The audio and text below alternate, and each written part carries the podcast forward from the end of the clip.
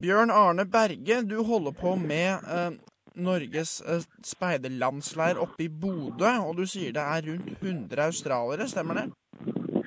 Det stemmer. Vi er eh, til sammen ca. 100 australiere. 96 av de kommer fra Scouts Australia, eh, og de kommer da fra hele Australia. Fra Western Australia i vest til Norfolk Cairns. Totalt for leiren så er det 9000 deltakere ca. Og dette er da faktisk det største barne- og ungdomsarrangementet som noensinne har blitt holdt så langt nord, nord for Polarsirkelen i, i, noensinne. Det største som har vært i Bodø eller så langt nord før, har vært et landsskytterstevne. og Det har jo mange færre. Så dette er det største barne- og ungdomsarrangementet noensinne så langt nord. Og Hva slags aktiviteter driver dere med på speiderleir? På speiderleir er det en blanding av tradisjonelle aktiviteter, som at man eh, bygger leir.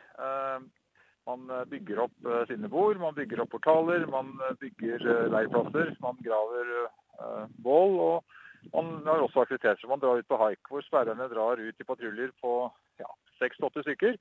Og går ute i naturen med kart og kompass 24 timer ute uten bedre og greier seg selv. Og norsk natur jo, har jo et særpreg. Hvordan takler utlendingene leiren? Det har jo gått veldig bra. Nå er jo dette veldig langt nord. Så egentlig så er det jo kaldere her enn det er i, om vinteren i Australia. Eh, I hvert fall for de folk flest. Eh, vi har jo temperaturer ned til fem grader på dagtid, eh, og enda kaldere kanskje over natten.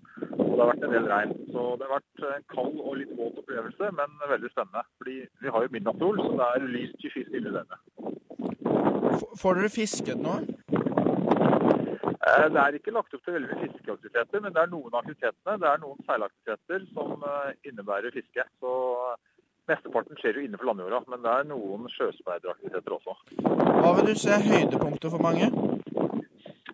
Jeg tror nok høydepunktet for veldig mange av de australske i hvert fall, er at man er så langt nord at det er uh, ja, lyst 24 timer i døgnet. Uh, man har aktiviteter som starter klokken 11 om kvelden og varer klokken 3 om natta.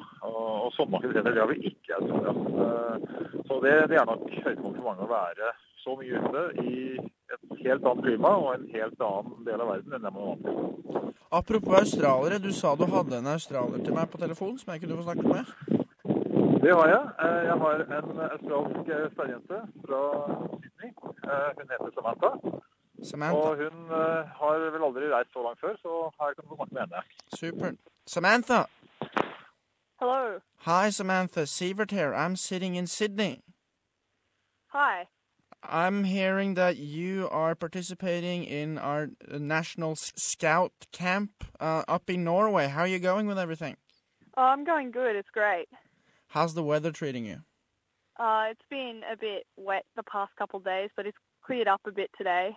Starting to drizzle right now. I'm hearing talk of uh, five degrees. Uh, as an Aussie, how do you cope?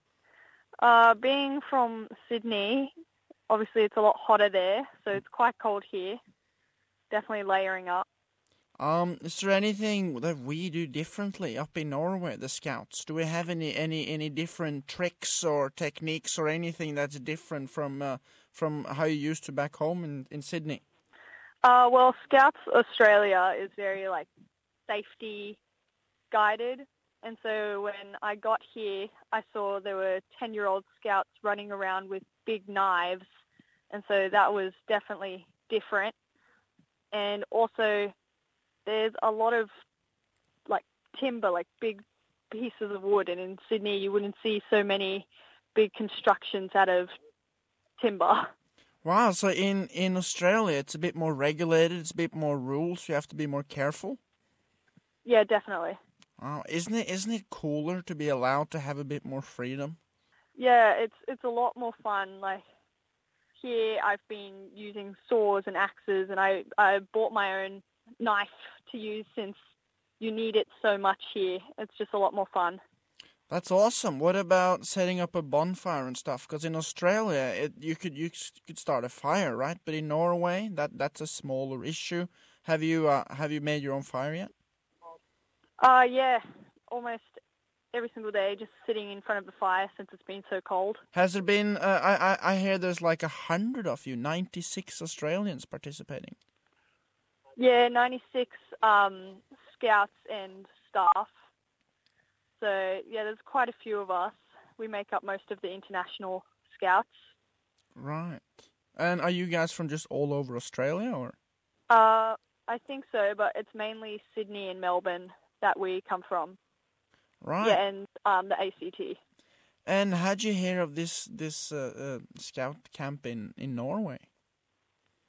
Um, I went to the Australian Jamboree and I wanted to go to the Finland one, except then I saw they were holding applications for Norway, and so I thought it would be a lot cooler to come to this one. Mm. Yeah. And you travel um, far, far um, away from Australia. Are you jet lagged at all? Uh, I was at the beginning, but now it's starting to get a lot better since we've been here for probably close to two weeks. But it is definitely hard since um, where we are now, the sun hasn't set the whole time we've been here. Right. Um. And are you gonna check out any other parts of Norway before you leave, or you're gonna just do the the, the scout camp and then you're gonna go back to Sydney? Yeah, we're going to be going on a ship. I'm not quite sure the names of all the places we're going, but we're going down the coast, back down to Oslo for the next week for a post tour. Oh, that's cool. Have you uh have you learned any Norwegian? I have learnt Norwegian, just usually most basic stuff. Could you give us a sentence in Norwegian? Oh, probably not a sentence. I just Or a couple of like, words, uh, whatever you have, Samantha. Uh, I I have ja, nej, tak. Um, I think good morgen, Oh yeah, yeah, Good- yeah. nacht. Yeah, just kind of basic stuff. Not bad. Not Norway It's not it's not the easiest language to learn. Yeah, no. Yeah. Um. Anyways, Samantha, it's been it's been great talking to you. Um. Good luck with everything, and um. Try not to uh, to freeze to death. Thank you.